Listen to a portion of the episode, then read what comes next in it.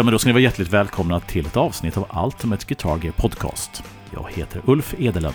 Och jag heter Fredrik Heghammar. Ja, trevligt. Mycket trevligt. Idag ska vi prata om eh, ett scope.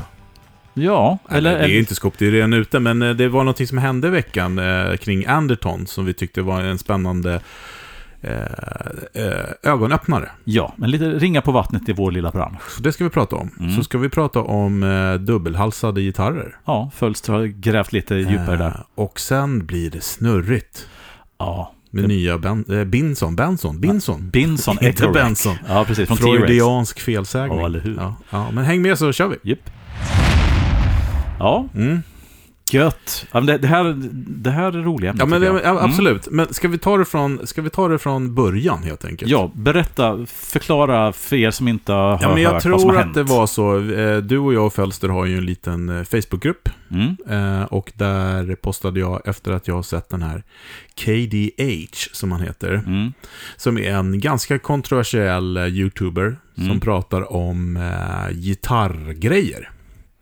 Yes. Men, men, men, men, ganska ofta så är det så eh, roliga, eller roliga, det är inte kanske roliga för de som blir utsatta, men han frågasätter rätt mycket grejer. Han har varit på den här Rob Chapman rätt mycket och de Mm.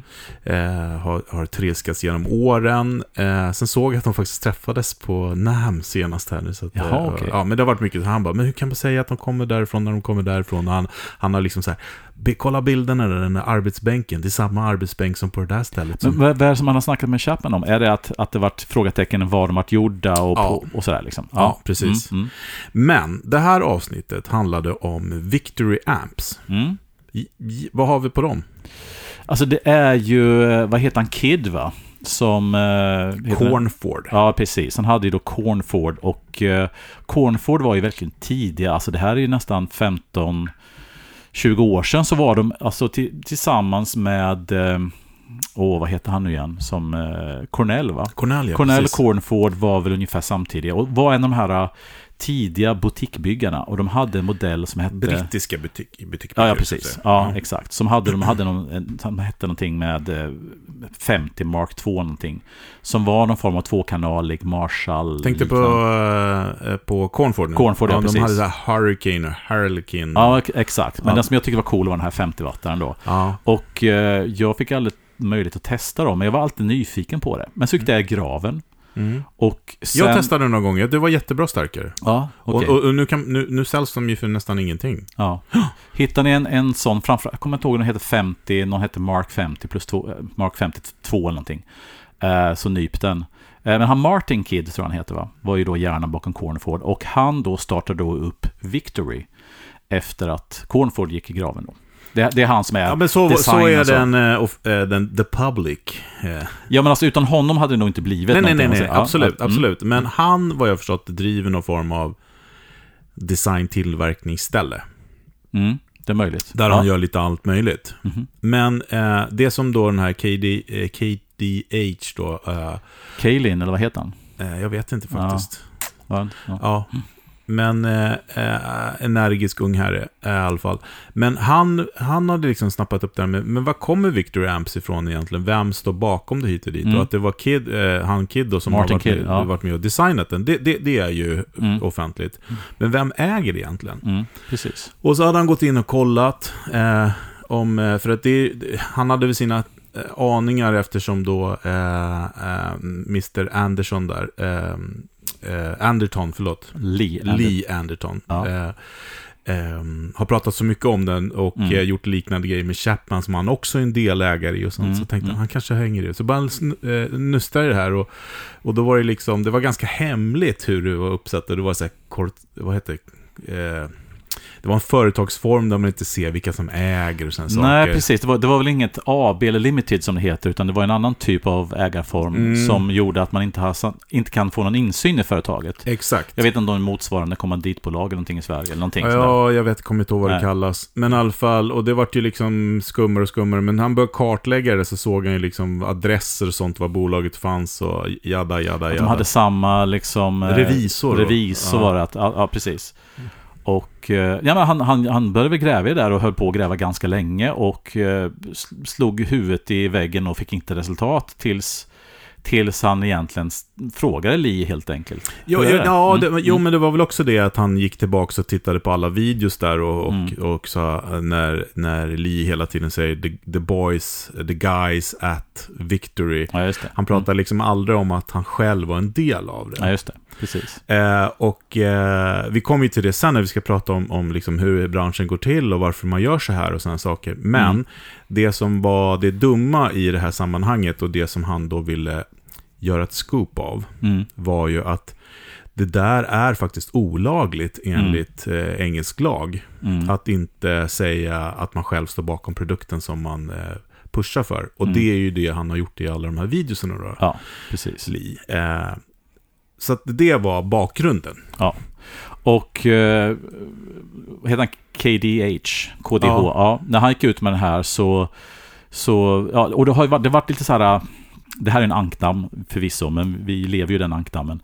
Så har det varit liksom längre tid snack om är de inblandade i, liksom, i Victory? För de har gjort väldigt mycket content Ja, med Victory. Och, och inte minst liksom That Pedal Show har ju också gjort det. Liksom, så. Mm, ja, verkligen. Eh, Men, men så, så, ja, så dök de här frågorna upp och, och då fick vi faktiskt svar. Och, och det, till Lee Andertons ära tycker jag så gjorde han en video som går att hitta eh, där han eh, bemötte det här. Mm, verkligen. Och eh, det han då, en ja, han bad om ursäkt för att det här inte han hade nog inte tänkt sig riktigt för. Han tänkte att, han, om jag förstod honom rätt då, så hade han gått in som en av nio investorer, gått in med pengar och liksom varit en av de som investerar pengar i Victory. Ja, och Han, har, han har varit väldigt delaktig i att eh, hur produkten låter Ja, ut. exakt, precis. Eh, Mm. Vilket är bra. Och då ska vi också säga att eh, just Lee Anderton då är ju involverad i Burns, äger han till Mm. exempel. Chapman. Chapman. Eh, så att, och det är flera bolag, eh, även flera som han inte...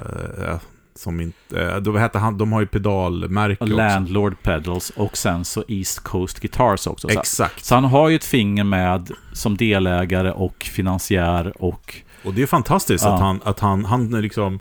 Han är ju klart att han är businessman, men att han liksom investerar och... Både, eh, flesta av de här som vi tog upp nu är ju faktiskt privat investerat i. Mm, att det mm. inte är Andertons då som har investerat nej, i. utan han själv som Utan är... han själv och sen Ja. så lämpligt nog så har han en av de största plattformarna i UK att sälja det via. Ja, precis. Så det gör ju saker och ting smidigt. Men egentligen så är det för att men han har sagt att han har varit del, delaktig i de andra brandsen. Det är Ja. egentligen bara Victory som han inte har nämnt det. Precis. Ja. Och då vart det Mm. så himla...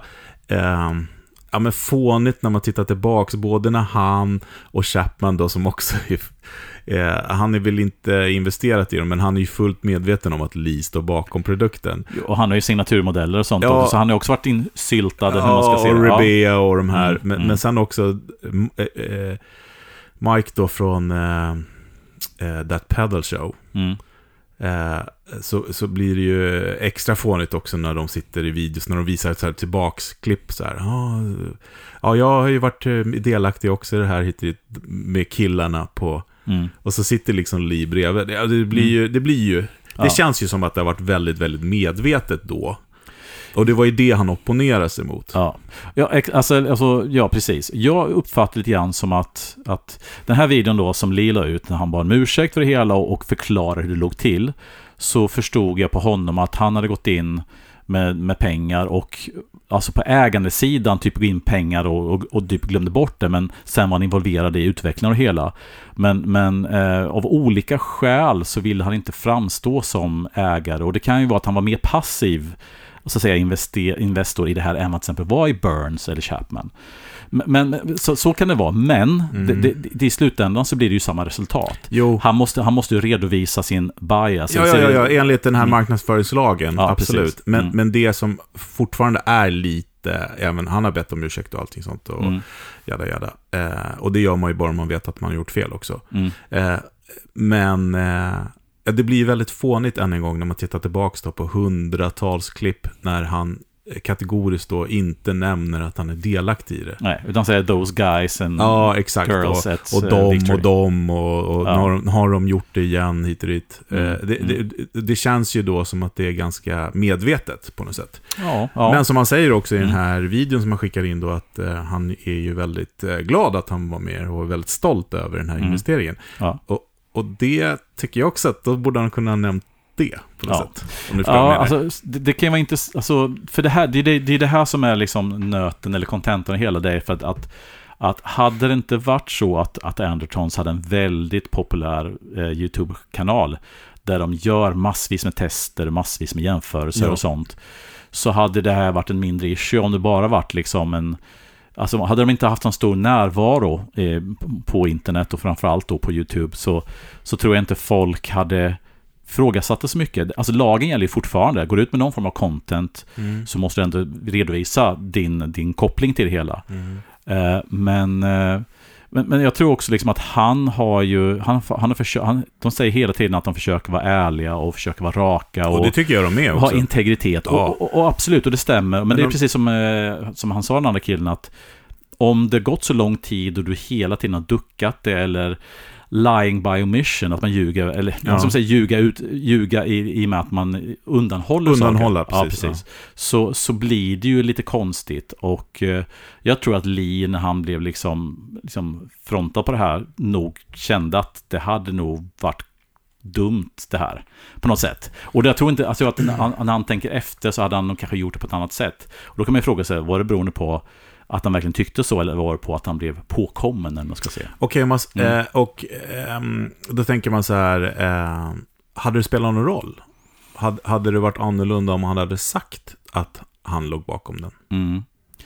Ja, det är en bra fråga. Och det, det, det är också en av av grundkruxen här, liksom att hade vi som sett på den här content och sett de här Victory-förstärkarna finnas med i Ja. väldigt många jämförelser och som grundförstärkare till många saker. Mm. Hade vi sett på dem på ett annorlunda sätt om vi hade förstått deras, liksom, att de hade haft en business, eller han hade haft en business En dubbel business, Ja. så att säga. Precis. Men samtidigt så här som han också poängterar i den här videon, som jag tror kan bli det här som vi som, som konsumenter av content ibland kan glömma bort. Mm. Har man ett anslag där de som man lyssnar på känns genuina, trevliga och ärliga, Ja, så kan man ibland glömma bort, och det gäller både The Paddle Show och men framförallt Editons, att de i grund och botten är en affärsdrivande verksamhet. Så såklart. Att, så att, Men jag, ja, jag, jag, jag, kollar på, jag brukar kolla på de där testerna hit och dit och de är rätt hårda ibland mot vissa märken som Mm. de själva... Eh, eh, men tillbaka till den här frågan som jag ställde dig, för att Mm. han svarar nämligen själv på den i den där videon. mm, Eh, och det de var rädda för, eh, och det är ju likadant här, han ber om ursäkt att han inte har varit extra tydlig hit och dit, men så kommer säga han också att vi trodde mm. att då att handlarna inte skulle vilja köpa Victory om jag var mer framtonande. Så då är det ju medvetet. Ja, exakt. Och jag, jag tror där har du, där har du en, en av, också en grej att, att jag tror att han medvetet har hållit det borta för att han vill få ut brandet och får liksom, och inte vara i vägen själv som ägare till det Nej, hela. för att andra då eh, återförsäljare skulle vilja Ja, ha det. exakt. Helt Ja, enkelt. precis. För, för att, okej, om han äger, varför ska vi lägga pengar i fickorna på vår konkurrent? Ja, exakt. Så att, eh, så att, och det är inte mer än mänskligt att har man då inte, alltså, d- d- där det faller på är att han enligt lag är tvungen egentligen att, att redovisa sin... eh, Ja, ja, resten är ju bara kutym och, Ja, och, och etik Ja. och moral. Så, Men- så hur man än vrider vänder på det så faller det på det. Mm. Att han har gjort någonting som... Alltså grejen är vad jag förstod så är det inte olag, alltså det är, jag vet inte om det ses som olagligt eller om det är en rekommendation, jag, jag vet inte, jag tror det är en lag. Men, men resultatet av det hela var att han behöver inte lägga in den här informationen på gamla videos, men från och med nu så Ja, måste han lägga in ja, den. att han är ja, ko- precis. kopplad. precis. Eh. Men, men alltså, jag, jag, jag, någonstans på en mänsklig nivå så förstår jag 100 att procent. han vi kanske vill hålla undanhålla det faktumet att inte trumpeta för mycket om det liksom. Eh, Eh, ja, men precis. Och egentligen så är för oss konsumenter så är det inte så stor skillnad. Eh, alltså, vi hoppas att man testar innan man köper och Mm. det är klart man lyssnar på rekommendationer och sådana saker, men eh, egentligen är det ju mest, eh, jag tänker, en anledning som han sa, det var ju att han in, inte vill skrämma bort andra, andra återförsäljare. Mm. Men han, ska, han skulle ju också potentiellt kunna skrämma bort andra eh, märken som han säljer. Ja. Om de liksom så här, ja men vänta nu, du jämför alltid våra produkter med Victory och du, och du favoriserar dem. ja, Liksom. Det är Ja. inte schysst. Liksom. Nej, så att, så att det där är ju ett gungfly. Men, men hur man än vrider vänder på det så tror jag att han hade tjänat, alltså dels att legalt sett, men också tjänat på att, att redovisa det här från början. Och sen ta eventuella liksom, kommersiella smällar från andra återförsäljare eller Mm. vem det nu är. Liksom. Men att vara väldigt straight med det, för att det, sånt här kommer ju fram förr eller senare ändå. Och framförallt som att han är tvungen enligt lag att redovisa det. Så att jag menar, Absolut. så att det är det gamla vanliga att det kommer bita en arslet förr eller senare ändå. Liksom. Ja, men jag tänker på en aspekt i det här med att man favoriserar någonting hit och dit. Eh, alltså som återförsäljare. Jag Mm. menar, återförsäljare favoriserar ju allting de har i lager. Så är det ju. Ja. De vill ju sälja. Ja, nej men så är det, alltså det där är också, ja visst, men sen har du ju liksom som återförsäljare har du säkert massvis i lager och sen har, är du inte mer en människa som tycker att vissa av de grejerna du har i lager tycker om mer än andra. Ja, ja, ja. Eh, och eh, hade man bara kunnat liksom prata om sina produkter utifrån det, så är den, då, kan man, då kan man säga att det här är vad jag tycker, det här är helt ärligt. Mm. Men om det dessutom har en annan agenda i och med att har ett ägandeskap i det hela, Mm. så blir ju din åsikt färgad av det, hur Ja, den men vrider vänder jag på kan det. dra en liksom. parallell till när du och jag skrev för FASS Guitar. Mm. Alltså tidningen FASS. När vi och alla andra som skrev recensioner i FUS har fått, fått skit i alla år. Mm. Hur kan ni skriva att den där är bra? Det är bara för att de gör eh, annonser i tidningen.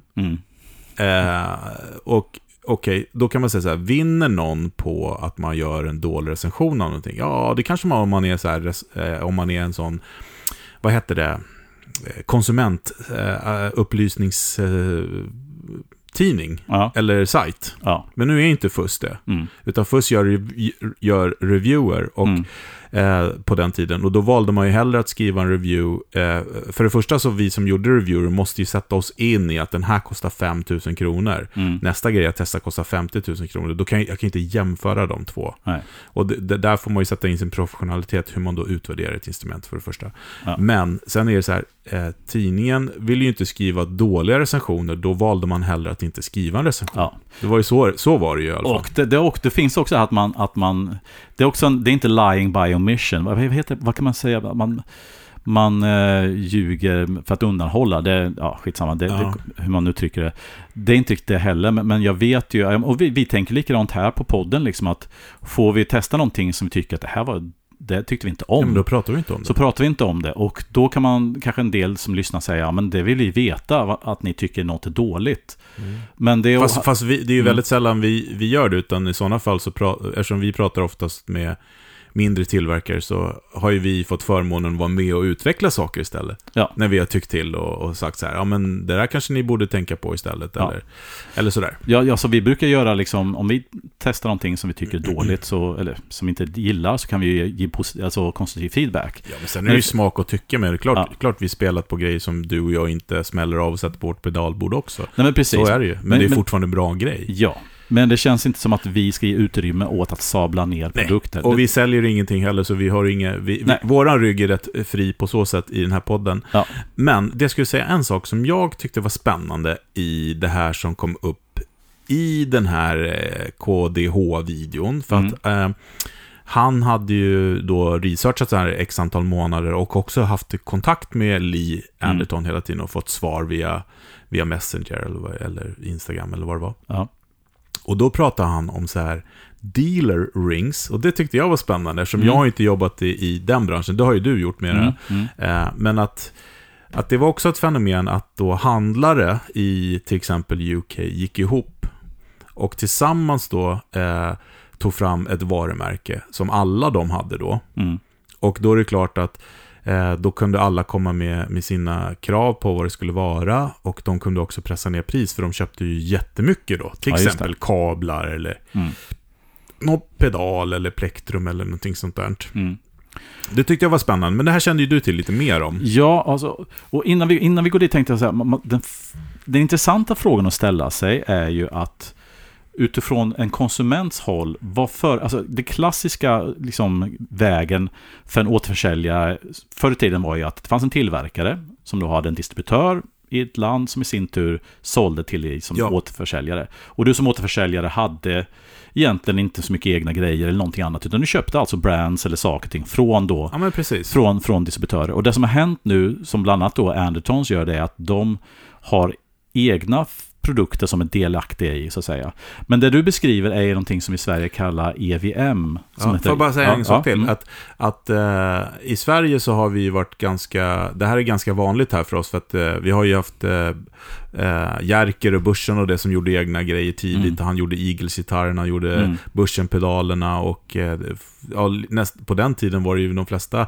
affärerna hade någon liten egen pedal sådär. Som, Ja, som egentligen i botten var MXR eller Mm. Cornor eller vad de nu hette. Eh, Mm. eh, men EVM, ja. EVM står ju för eget varumärke. Och, och sen finns det någonting annat som heter OEM. Och OEM är ju när du har en tillverkare. Och OEM står för eh, Original Equipment Manufacturer. Det innebär att till exempel att den här tillverkaren gör produkten åt en annan till, alltså, åt, alltså till exempel... Ja, men vi, ja. vi, skulle kunna ha, vi skulle kunna sälja kablar som heter UGG-kabeln. Och Mm. den kommer från Evidence. ja, fast, och då gör han och den och brandar den med ja, UGG. fast man ska hålla isär EVM och OEM. Är inte det OEM? Nej, för att OEM är när du har en produkt som tillverkas. Ja. Och sen Ah, så ja, okej, åt okej. Volvo till exempel. Och sen så, Ja, sen, sen, så säljer Volvo Sorry. den. Ja. Och det, det är då originalgrejerna som Mm. bara går från den Så fabriken till... legotillverkning. Ja, som, ja, som bara går från den fabriken. Den är så original Mm. equipment manufacturer. De gör inte motsvarande grejer åt någon annan än just den. Mm. Medan då eh, EVM, då är det liksom en, en, en, till exempel en kabeltillverkare. Mm. Där du kan köpa då från en kabeltillverkare, sätta ditt namn på musikbörsen, Jam Ja. eller vad det är för någonting. Eller UGG. Ja, eller UGG. Och sen säljer du den. Eh, Medan den kabeln kanske finns all over the place i världen, fast med ett annat namn på. Jag fattar, jag fattar. Så att eh, Och det är väl det vanligaste. det är det vanligaste, precis. Och För det, det, andra kostar ju mer pengar. Då måste man göra jiggar och verktyg och... ja, du har en tillverkare som jobbar nästan bara med dig. Alltså, Mm. precis. Så OEM kan ju till exempel vara de här, eh, de här eh, koreanska gitarrfabrikerna som Exakt. gör liksom PRS-grejer och de gör ESP i samma fabrik, Ja. men de är olika modeller. Så Ja. att du kan inte köpa en PRS fast det står någonting annat på, utan Nej, de går nej, bara till exakt. Och det är OEM, så att säga. exakt, exakt. Medan de här kabelmärkena, hade det varit då Mm. EVM så hade samma fabrik gjort samma gitarr som hade stått olika Så märken på. tillbaks då till det Jerker gjorde när han hade börsen. Det var, eller Jam var det ju också. Jam var det han körde Eagle Ja, ju. ja, exakt. Då var det OEM. Det är OEM, precis. Ja, men när han körde börsen, börsen-pedalerna, då var det... Då är det nog EVM, EVM, kanske. Ja. Och, och det där går säkert ihop lite grann. Men det intressanta med hela det här upplägget är ju att, att, att om du köper hela tiden från de här klassiska grejerna så är det antagligen för att priserna är då så pressade, marginalt så pressade, Mm. så att om du vill tjäna mer pengar och vill marginalförstärka så är det smartare att köpa in ett större mängd, låt oss säga kablar, Mm. från en annan tillverkare och sen så sätter ditt namn på det. Mm. Och sen så köper in en större mängd för det måste du göra för att kunna göra det här. Liksom. Mm, precis. Och då har du en kabel som du kanske är ensam om, åtminstone med det där namnet på, och som du kan tjäna mer pengar på. Exakt, men det som jag tyckte var spännande i det här fallet då, det Mm. var ju att de var flera stycken olika handlare som gick ihop och gjorde det här. Ja, Och det gagnar ju oss konsumenter jättemycket. Mm. För låt säga då att de gör en OEM-kabel från Evidence, mm, som alla handlare då, i det här fallet UK då, mm, eller alla, men de stora, mm, eh, går ihop eh, och säger ja men vi ska ha de, vi ska ha de här längderna, de här färgerna och Mm. dit. Och vi ska kalla det för eh, Tjolahopp-kabeln. ja just det. Ja. Eh, och vi ska ha det här priset på den, Mm. som är då billigare än Evidence. Ja. Blir det ju. Mm, Det gagnar ju alla. ja, Det är ju skitbra. Ja. De får tjäna mer pengar och vi får köpa billigare. mm. Precis. Och, och, och eh, så länge inte evidence finns kvar på marknaden och måste sälja sina kablar jättedyrt. Ja, ja, kan ja, köpa ja. samma kablar från ett annat håll. Utan det är snarare så att det kanske den här produkten inte finns någon annanstans. Utan vi, de här, tre, de här fem, sex, sju butikerna köper bara den.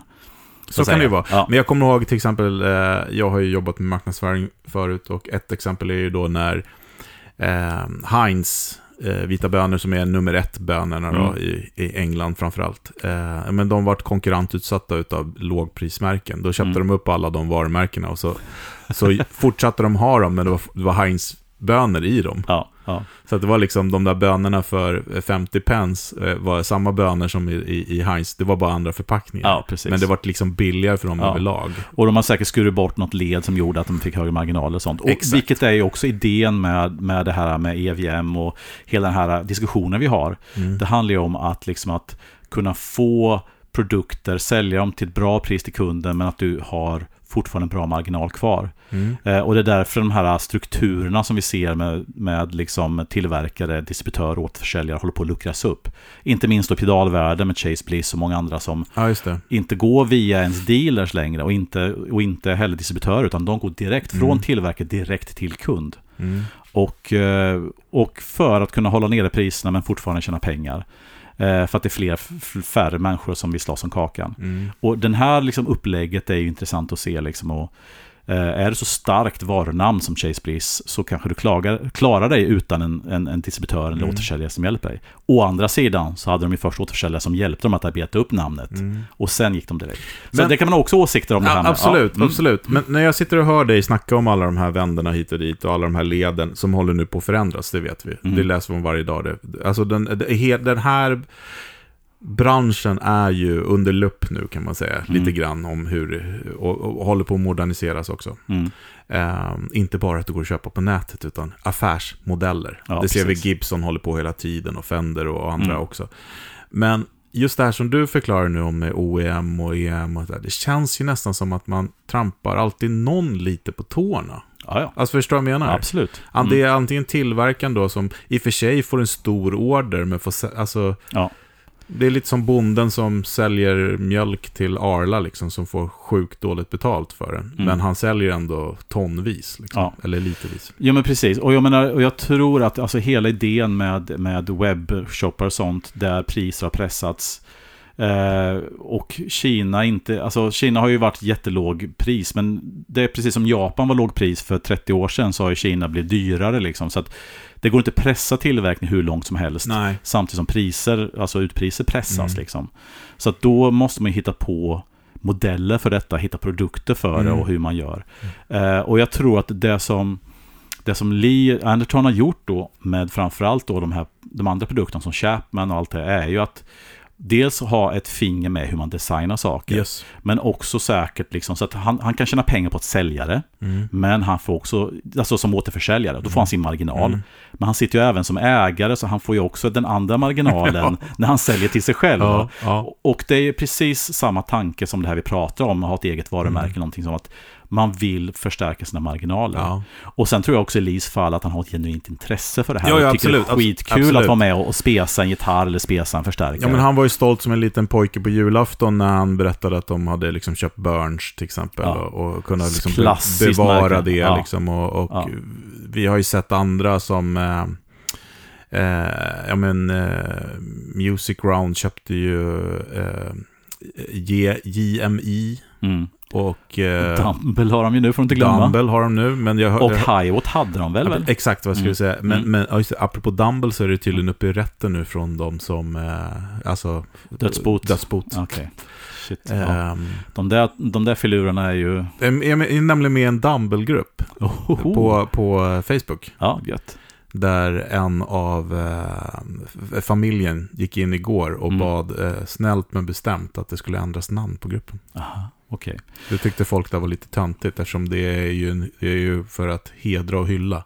Ja, precis. Men nu är det, han sa det är rättstvist just nu så att vi Ja. vill inte att någon ska använda namnen. För då, det kan dras med mycket folk under en sån grej också. Ja, förstås. Och sen var det så att Dumble var ju, han var ju liksom en sovereign citizen som det kallas på engelska. Han levde ju utanför samhället och hade inte skyddat sitt varunamn eller någonting sånt. Nej. Vilket är en av grunden till att det fightas nu så att säga. Ja, men hela. det är som Ken Fisher och Trainwreck och det här. Jag, jag, jag pratar...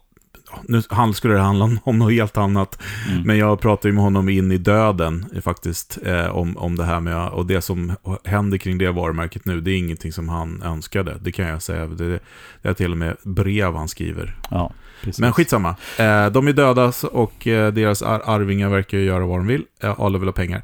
Men du, jag har en grej till. Ja. Det här med distributörer också har Mm. ju, är ju, de som då förser affärer med varumärken. Mm. Har ju också poppat upp att det finns vissa distributörer som tar fram egna produkter. Vad tycker vi om det?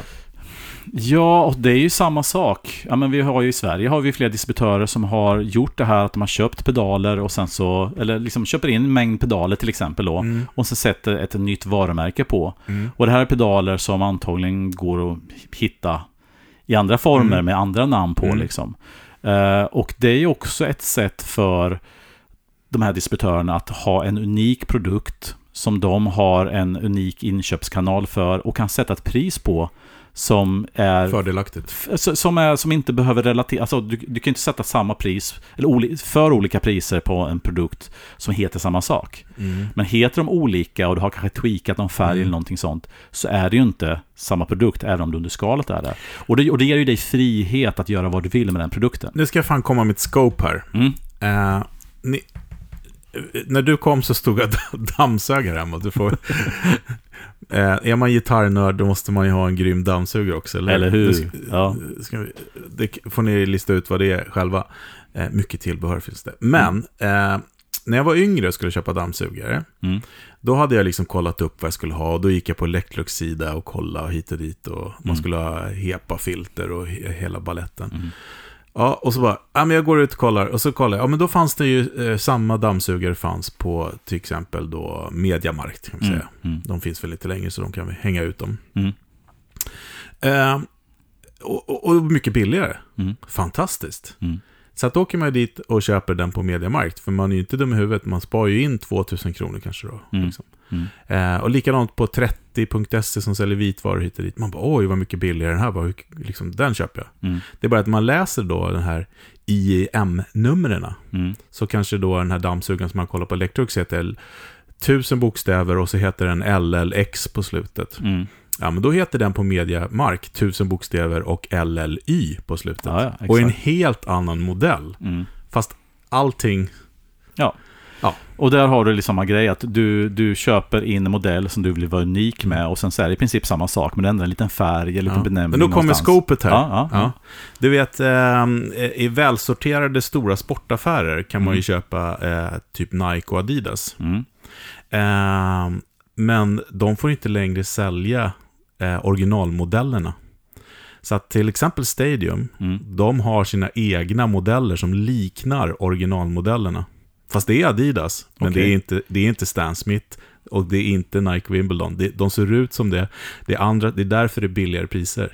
För de har en speciell... Nike säljer bara direkt och Mm. till små butik som Sneakers and Stuff och sådana saker. Aha. Så att går du och köper ett par, vad du tror är Wimbledon, Mm. du vet de här klassiska Nike med ljus på, Ja, ja, på, på Stadium, då är det inte det. Nej. Det är andra sulor. Du måste gå till mindre... Ja, eller köpa på nätet. Aha, right.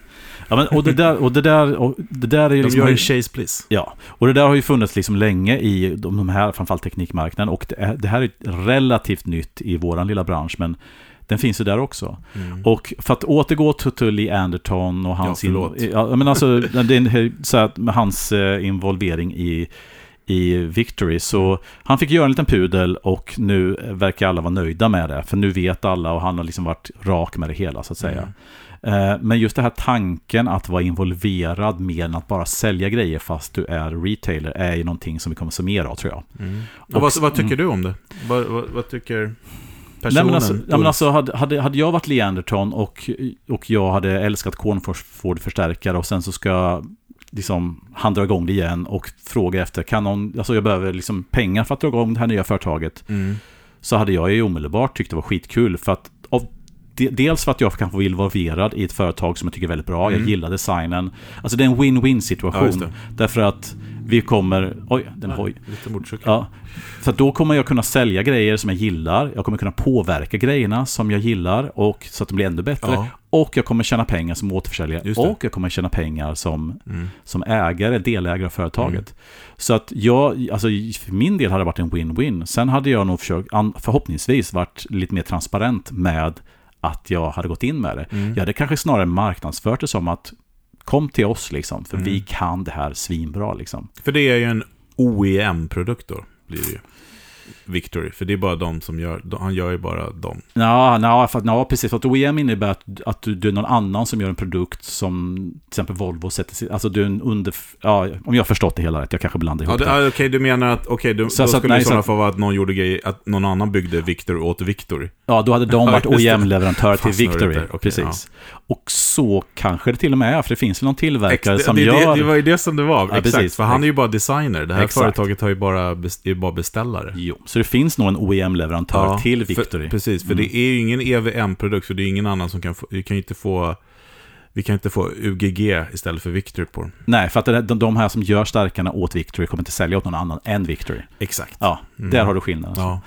Ja, men ni, ni, hör ju själva att det här är ju någonting som vi i, i musikbranschen måste förhålla oss till och vi som konsumenter och framför allt då när man har då en content en så bra content-tillverkare, eh, om man ska kalla det som, som Andertons, så, så måste vi ju, ja, vi måste förhålla oss till det här liksom. Ja, ja, jag vet inte, jag vet inte riktigt.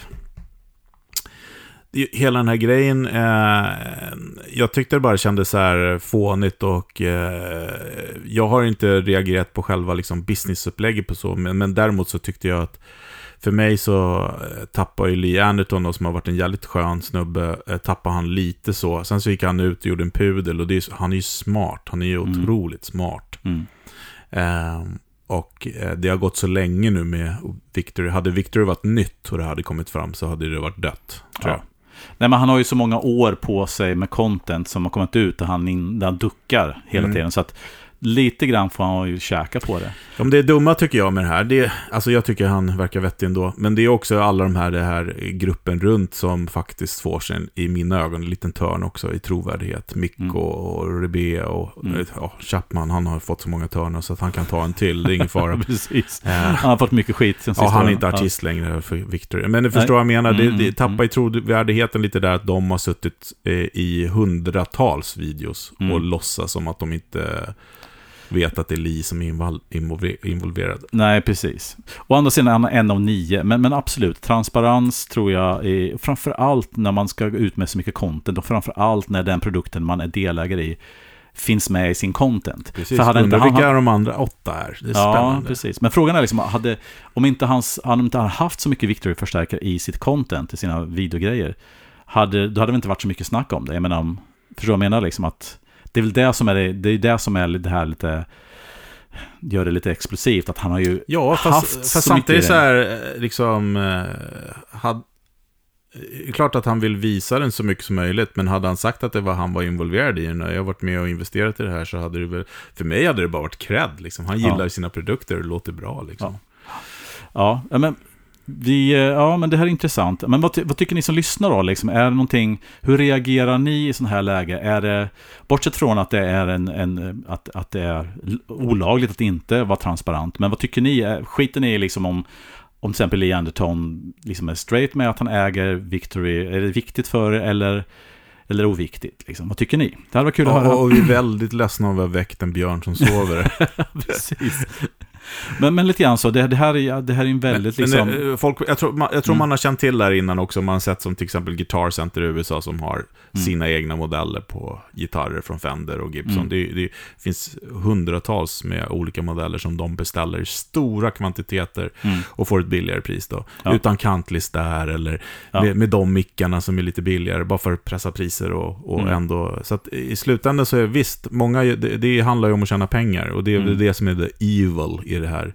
Men om man väljer Mm. som jag att se ljuset i tunneln så tänker jag att det har ju också möjliggjort att många har fått köpa bra instrument billigare. Ja, men precis. Jag menar, hade inte Lee varit involverad i Victor så kanske inte Victor hade sett ut så som det gör eller funnits. Jag vet inte. Så han har kanske spelat en viktig roll i hela. Och framförallt inte glömma att han har marknadsfört brandet. Så att de som tycker om Victor och vill ha en Victor-förstärkare har ju haft hjälp av Andertons, både contentmässigt men Verkligen. också som ägare då. Mm.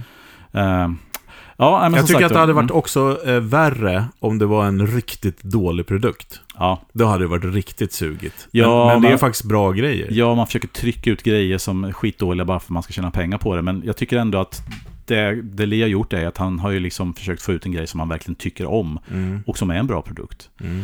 Eh, och så. Men som sagt, ni som lyssnar, det var kul att höra eran take på detta. Vad tycker ni? Mm, vad tycker ni? Och Mm. eh, eh, kastar inte på Blocket och säljer Victory för det här, utan smält det först. Vi ska posta de här videorna också, Ja. så att ni kan kolla. Det finns på våran Facebook. Mm. Och när ni ändå är inne på våran Facebook, eller våran Instagram någonting, så skulle vi vara väldigt glada om ni ville tipsa någon kompis om att vi finns, eller dela någon länk eller någonting, eller Ja. likea lite. Det, det, är, Ja, det är roligt. Och det är roligt för de som eh, eh, har med sina grejer i våran podd. Som vill visa ut. det. Som sagt var, det här är än en gång så att säga ideell. Vi tjänar inga pengar. Så när vi pratar om produkter och sånt så gör vi det för att visa upp grejer som vi tycker är kul och bra. ja precis. Eh, och kan vi hjälpa dem att dela. Ja, och ju mer ni delar desto mer liksom, uppmärksamhet får de här grejerna och våran podd förstås. Yes, yes. Eh, dags för lite sol från södern. Ja, här kommer Fölster.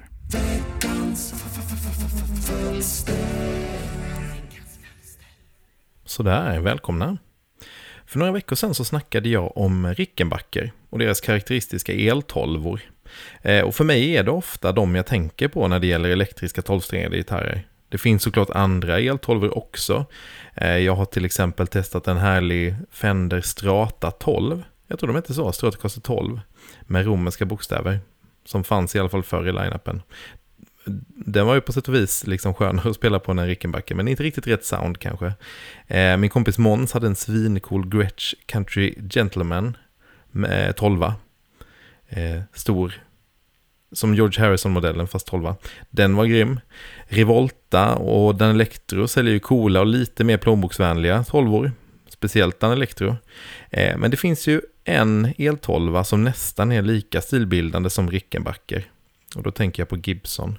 Och jag tänker inte på deras olika 12-strängade, lite udda varianter av Les Paul och 335 utan jag tänker ju på den dubbelhalsade EDS 1275. Dubbelhalsade gitarrer, vilka ufon det är. Eh, lätt att avfärda som en onödig accessoar för rockposörer, men samtidigt är ju grundtanken bara att lösa ett enkelt problem. Gibson har haft lite olika dubbelhalsade gitarrer genom åren. Eh, det finns ju en som är en mandolin och en gitarr som jag tänker att eh, Robbie Robertson spelar på i ett segment i The Last Waltz. Eh, jag är rätt säker på att det finns någon med någon slags tenorgitarr också, som jag inte minns hur den ser ut. Den här med mandolinen är ju lite mer en hollow body tror jag. Det finns en som är en bas och en gitarr. Men den klassiska SG-baserade EDS 1275 med en vanlig sexa och en tolva är väl ändå the dubbelhalsad gitarr. Eh, man tänker ju såklart på Jimmy Page och Stairway to Heaven. Man tänker på Don Felder och Hotel California. Jag tror också man tänker på Slash. Jag är inte helt, jag är inte så djupt nere i Guns N' Roses, men jag är rätt säker på att Slash drog fram en sån här och, fick, och gjorde att den fick en liten revival. Av den anledningen. Jag tänker väldigt mycket på Mike McCready i Pearl Jam, som jag har sett spela en sån här flera gånger på låten Inside Job. Han kör ju introt på tolvan och solot på sexan.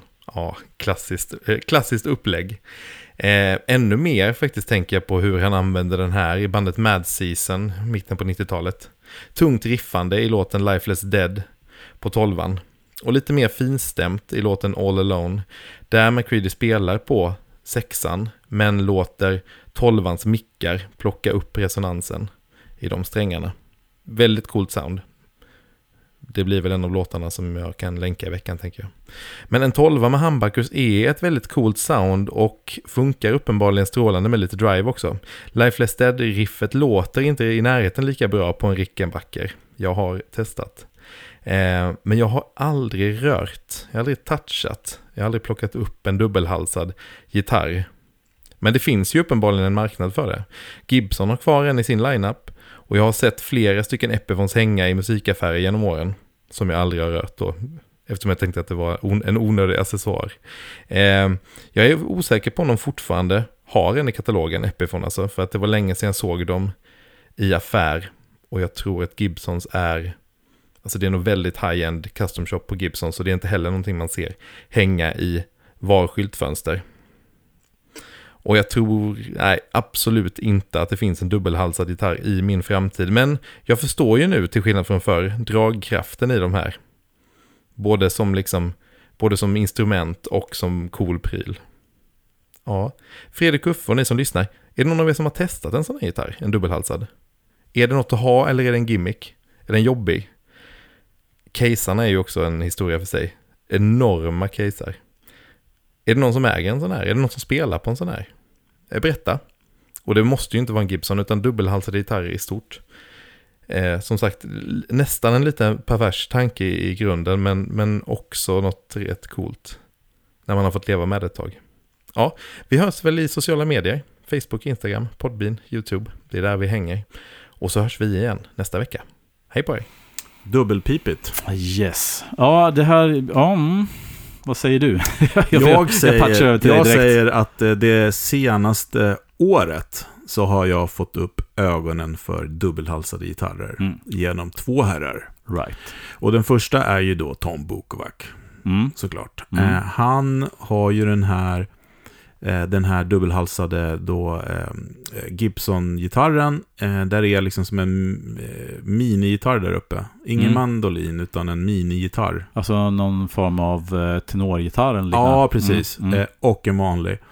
Eh, och eh, det är ju helt otympligt, jag skulle aldrig kunna tänka mig. Men det som är så jävla coolt med den där, det är liksom när man låter mickarna sitta på. Som är aktiva. Ja. Ja, på, på, eh, när man spelar på den ena. Så blir det som ett så ambient Ah, reverb. Just det, så när du spelar på den vanliga gitarren så, res, så blir det vibrationer i kroppen som sätter igång strängarna. Exakt, och det låter Ja. skit. Alltså det Ah, låter så jädra snyggt. Alltså, de gitarrerna kostar ju satan i gatan och är liksom det som tänder på kycklingar. Eh, Mm. Eller hönor säger man.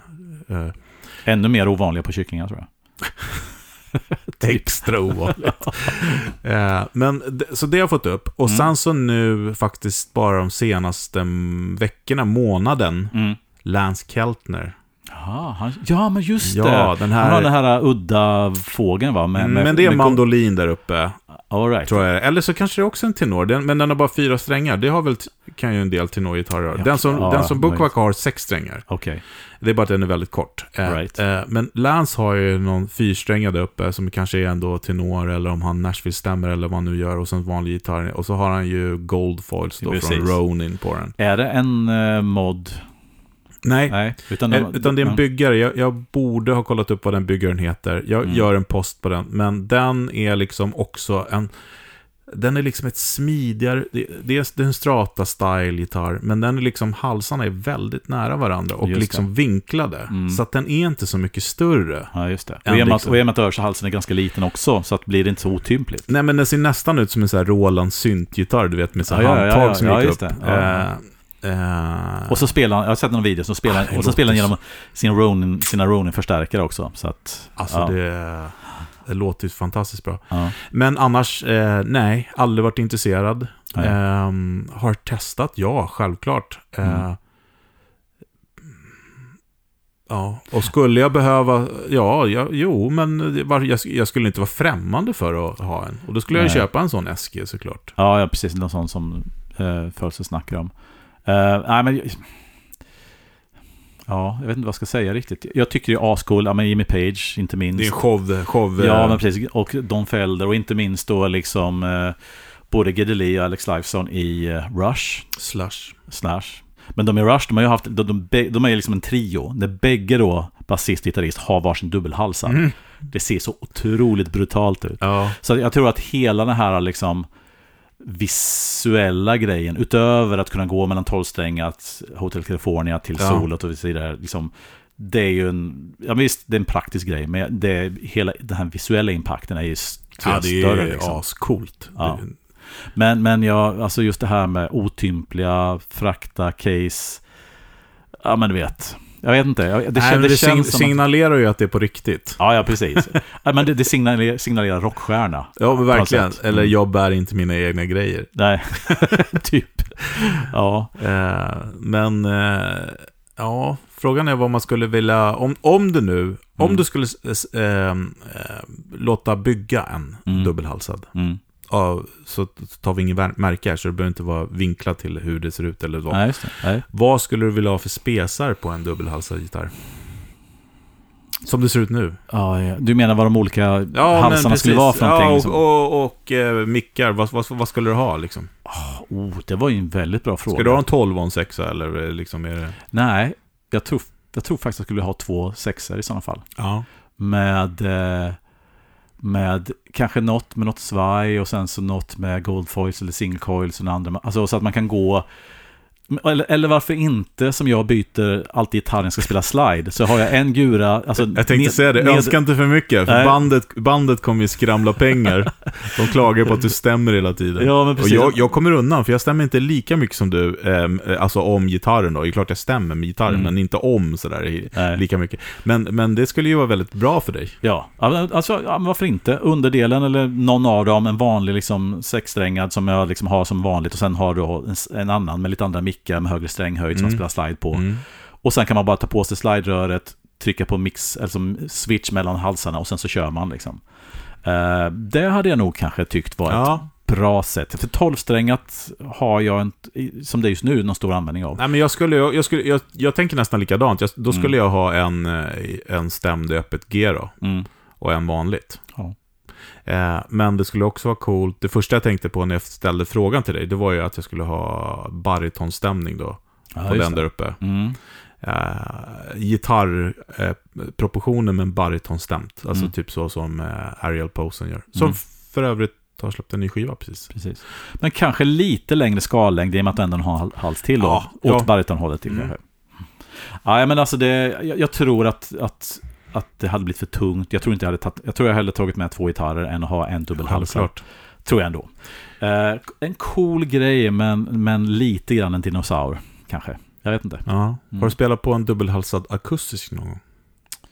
Det har jag nog aldrig gjort faktiskt. Inte jag heller.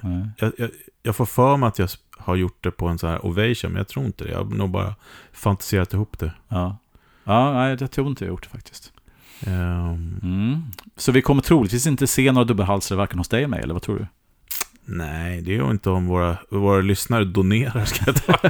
nej, Ja, ja, vi får smälla ja. ihop en. Det är bara att Ja. tejpa ihop två stycken gurer. Jag har ju sett när folk har sågat isär och limmat ihop sådär Ja. två strater eller en Ja, telonstrata eller någonting. Exakt. Det kan ju bli en sån hobbygrej också. Ja, verkligen. Nej, eh, inte just nu, men som sagt var, coolt så in i gatan. Ja, faktiskt. Det måste jag säga. Attityd så det bara stänker om det. Ja, och eh, som sagt var, eh, lyssna på klipp när, när Tom Bokvak spelar på det där så får ni förstå ni vad jag menar med att det ringer med. Mm. Eh, och sen så ska jag posta en bild på eh, Lance Gura. Ja, Riktigt coolt. coolt. Du, vi går väl till veckans pryl då kanske? Det ska vi göra. Oh. Veckans pryl. Då så, veckans pryl i, i denna vecka är någonting som vi har sett fram emot bra tag nu, sen, sen NAM Ja, egentligen. hur? verkligen. Och vi Mm. är kvar nere i soliga södern. Ja, Bara ett stenkast därifrån där Fölster sitter. ja, På andra sidan. Ja, andra, sidan, andra sidan sundet, ja precis. Nej, det vi ska prata om i veckans pryl är alltså T-Rex version av den klassiska Binson Ecorec. Och de kallar den till och med Binson Ecorec, så de måste ju ha haft någon rättigheter Precis, det var det till vi i namnet. tidigare avsnitt satt och sa att den inte... Jag sa att den inte hette det. Att den bara hette T-Rex Ecorec, ja. Ja. Den heter faktiskt Binson Ja, Ecorec. den gör det. Precis, de har tjackat varumärket. Ja, precis. Nej, men vi visste att de hette Binson, men vi visst, trodde inte att de fick kalla det för Ecorec eftersom då... ehm, eh, Kathleen Bread. Exakt. Men, eh, nej, men här står den i alla fall. Ja, Den står och den, eh, den snurrar och är hammarlackad. ja, Race, British Racing Green hammarlackad. ja. Det kan, inte, det kan inte bli... Rent estetiskt blir det inte bättre. Om man bara ska... Vad är då en Ecorec för någonting? Jo, alltså till att börja med så var det ju en, en kille som hette Bonfiglio Bini, eh, italienare, som. Ja, som under 50-talet konstruerade detta, eh, denna ekomaskin. Och vi ska inte gå in för mycket på saker och ting här, men, men en viktig distinktionsskillnad eh, mellan ett Ecorec och ett bandeko, låt oss säga ett, ett Maestro EP3 till exempel, är ju att ett bandeko som på namnet är alltså en eh, magnet, magnetband som du har uppspelnings och avspelningshuvud på. Mm. Eh, Medan du på en Ecorec har en, magnet, en magnetisk trumma som snurrar. Precis. Så att de här tonhuvuden som finns då som som löper som, ja då, som ett, på ett bandeko. Så har den de sitter alltså monterade mot den här trumman. Så att den här trumman är ju magne- magnetisk om jag förstår det hela. Och det är där som den spelas som en, upp och spelas av. Den är som en hårddisk, Ja. helt enkelt. Ja. Ja. Så att det är med tonhuvuden som flyttas, och, eller som inte flyttas, utan som är på olika ställen, som är olika delay-tider, eh, har den gemensamt ett bandeko, men det är själva hur du, om man säger, magnetiserar ljudet. Jag vet inte hur jag ska uttrycka mig, det låter så dumt. Så det är alltså, ja, ni förstår. Ja, det är Och- inget band i som Nej, spelas in exakt. på helt enkelt och slits, utan det är, det är Det är metalltrumma. en metalltrumma som den här, ja. Nu ska inte vrida in mig för mycket. Ni får, ni får gå ut på webben och sen får ni liksom bild eller videogoogla så får ni se hur det funkar. Men det som är intressant är att det här är en väldigt avancerad maskin. Det är liksom många rörliga delar. Det är en me ett mekaniskt under. Lite grann som en, ett, ett bandeko. Och eh, Mm. vi har ju liksom, man kan tycka mycket om Mike Fuller och Fulltone, men, men att de tillverkar, eller tillverkade, ska säga, två stycken bandeko. Och inte minst Ecofix, Australien Ja, också. verkligen. Det finns några stycken som har faktiskt tagit sig tiden och pengarna att konstruera detta. Och då även då eh, T-Rex. Hur, eh, den här, eh, det är ju eh, bra att du säger det, för den Mm. kostar ju en del och jag tycker att den Yes. kostar väldigt lite med tanke på hur avancerat det är att bygga en sån här. Ja, och hur mycket man måste pröjsa för Ja. en Ecorec original. Den ligger väl runt 20 den här va? Ja, strax över 20 tror jag. Och den är ju en ordentlig pjäs på så sätt att den är väl ungefär 25 gånger 20 centimeter eh, i, i, och ungefär 10 centimeter hög. Ja, kanske till och med lite bredare. Men, men det är alltså en... Det och sen har du som man kan trampa bypassen via pedal så att säga. Men Ja, jag tror inte den kommer finnas på jättemånga pedalbord. Kanske, men... Nej, eh, men precis. För det är också det här med, med när man har då en ganska avancerad mekanisk apparat som det här så är den ju känsligare för transport och allt möjligt. Precis, men jag tror Ja. att den här vill man ha uppe på stärken om man nu använder den. Och Ja. den har ju då att man kan ha en extern bypass på den, ser jag här. Exakt, på, ut, exakt. Utgång på baksidan. Precis. Och vad är, alltså, grundtesen med det hela är att du har då olika liksom, eh, tonhuvuden. Eh, du har fyra stycken uppspelningshuvuden som, som då har olika tider, för de sitter placerade på olika ställen. Nu, ju längre från eh, avspelningshuvudet, eller vad det kallas, desto längre tid då förstås. Ja. Eh, och du kan då få massa coola ljud. Om man säger så här, hur, då, hur fixar du det här med ändra tid? Ja, du, du har de olika tonhuvudena som blir någon form av preset. Och sen har du då någonting som heter drum speed.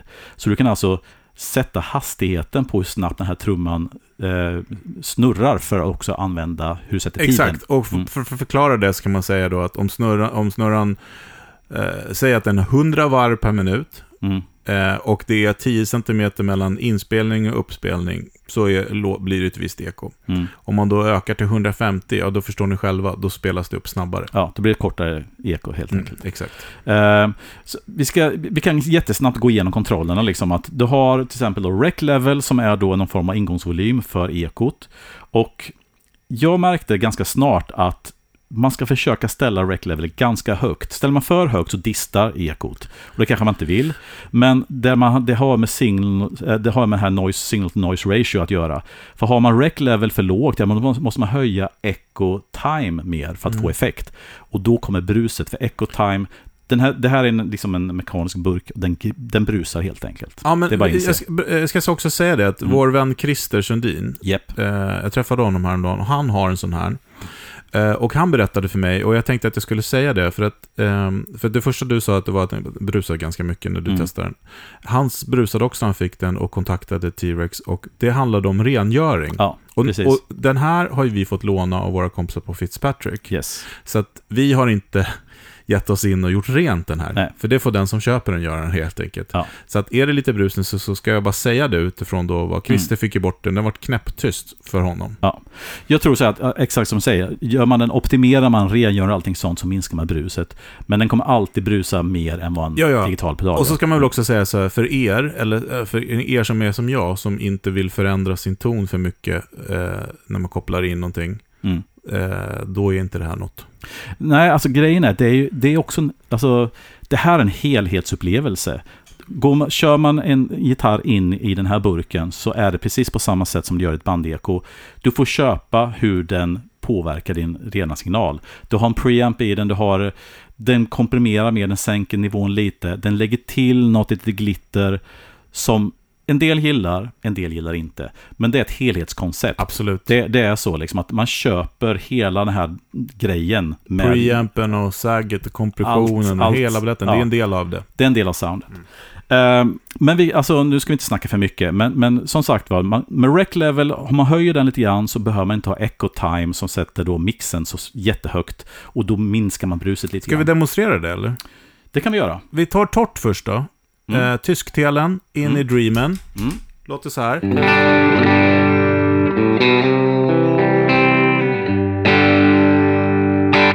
Ja, lite, lite reverb, men alltså annars har vi då tysktelen och eh, Universal Audio. Mm. Och om vi bara, utan att spela, bara lyssnar på vad som händer om jag bara drar igång det här.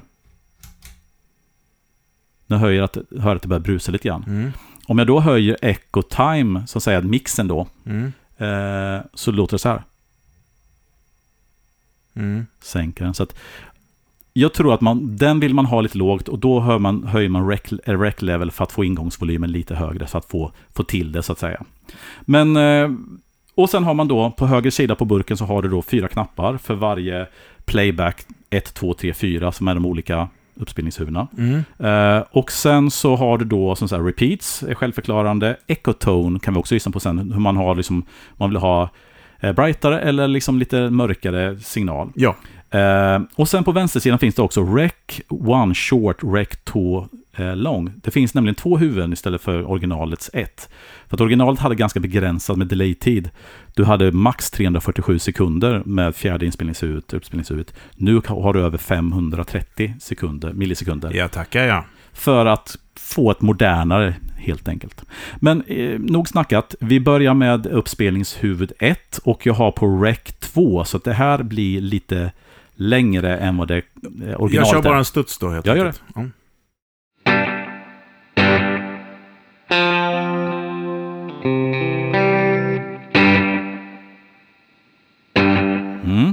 snyggt. Om jag då går på det här så kort som första inspelningshuvudet eller uppspelningshuvudet är om man då har på originalinställning så blir det så här. Det blir nästan inte slapback utan det blir nästan som ett dubblings. ja, coolt. Ja, och stä- stäng av den. Och då hör man också att, att hur mycket, eller att man hör hur burken påverkar signalen. Ja, verkligen. Ja. Men gå tillbaka till den. Och sen så sätter jag den på Rec 2. Och då får man lite längre.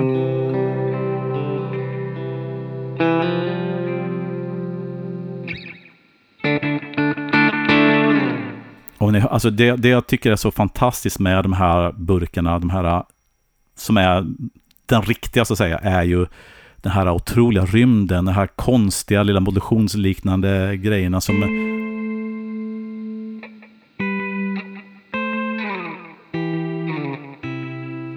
Mm. Snyggt. Om man går då upp till eh, playback 2, då ökar vi delay-tiden.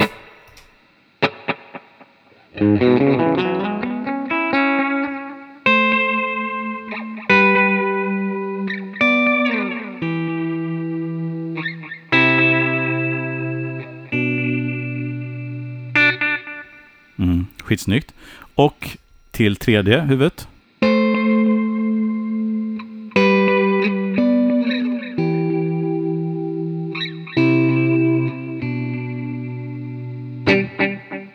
Ja, fantastiskt. Och sen fjärde.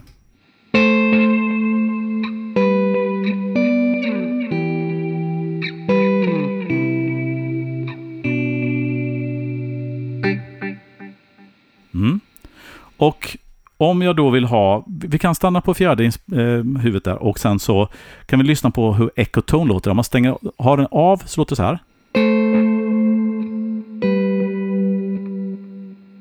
Och fullt.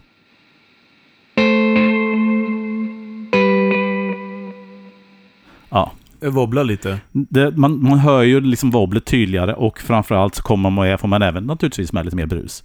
Men vi behåller den mitt på, för jag tycker att den är en ganska bra sweet spot mitt på där. Eh, vi skulle kunna, om du spelar lite grann, så kan du låta när man höjer och sänker drum speed.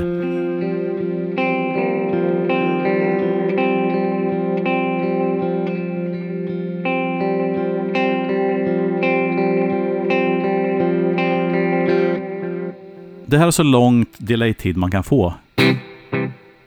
Och då, man hör också när man sänker drum speed så tappar man lite grann toppen. Då kan man kompensera det här med tonkontrollen för att få tillbaka lite grann.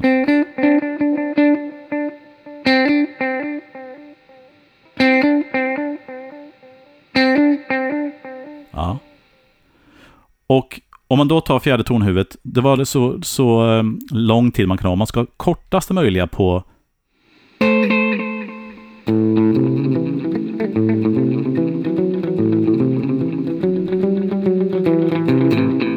och då hör ni också att då blir den brightare också. Mm. mm. Coolt.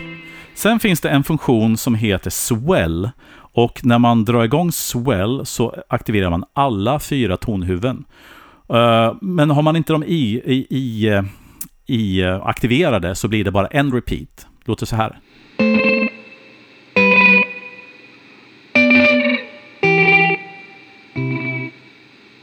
Nästan, nästan lite back, baklänges.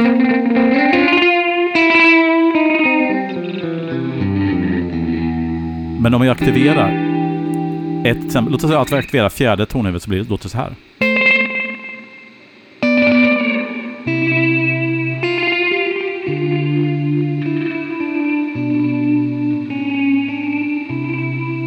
Då får man feedback på fjärde tonhuvudet men inte på de andra.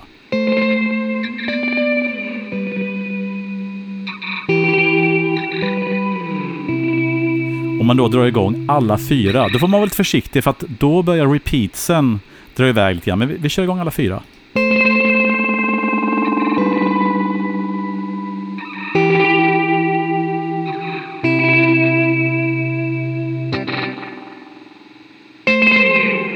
Det blir en väldigt skön, cool, lite reverb-aktig. ja, det här är ju också typisk, eh, just det här... eh, Det låter som en trumma, tycker jag. Mm. Det här ljudet kan du aldrig få i ett bandeko. Nej. Ja, det, finns, alltså det är någonting som är lite metalliskt med som gör att Echo-Recken alltid har lite mera top-end eller lite mera lite metalliskt ljud än vad till exempel band, bandeko kan låta lite varmare. Men det här är liksom nästan lite metalliska liksom ambiensen är ju unikt för Echo-Recken. Kan du ställa in ett så, så stort, svulstigt, långt... eh, Ett stort svulstigt långt, ni hör att så.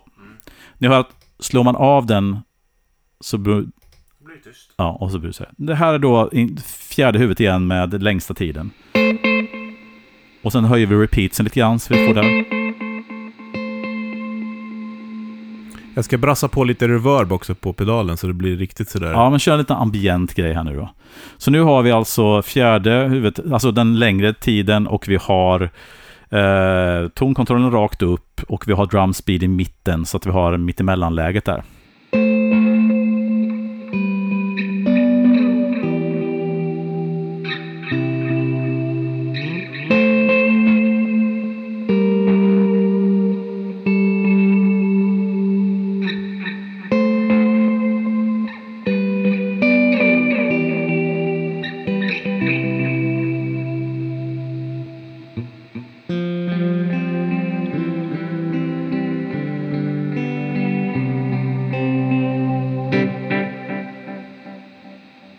Alltså det är, jag, jag tycker, för, för mig som är eh, delay-nörd så är det här fantastiskt.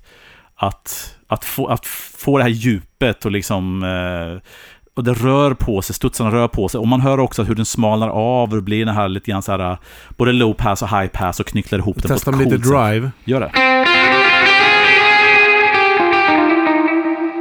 Sänker jag lite grann på det.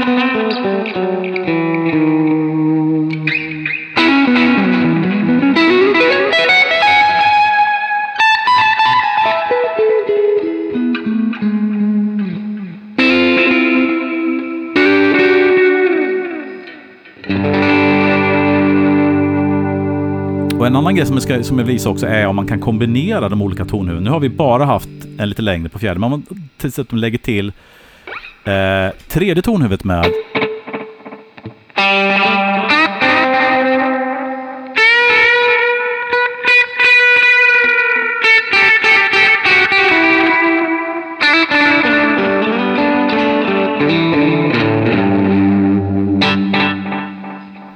bort tredje och så lägger vi till fjärde plus andra.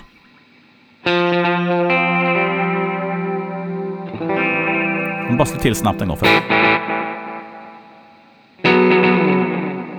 Aha.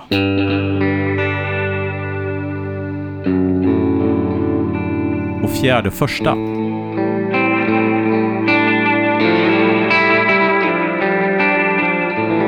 Slå till lite snabbt en förra gång. Just det.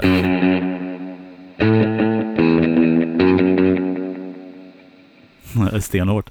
Ah, alltså grejen är att det här är en, alltså, den underbara maskin som man kan sitta och verkligen förlora sig i.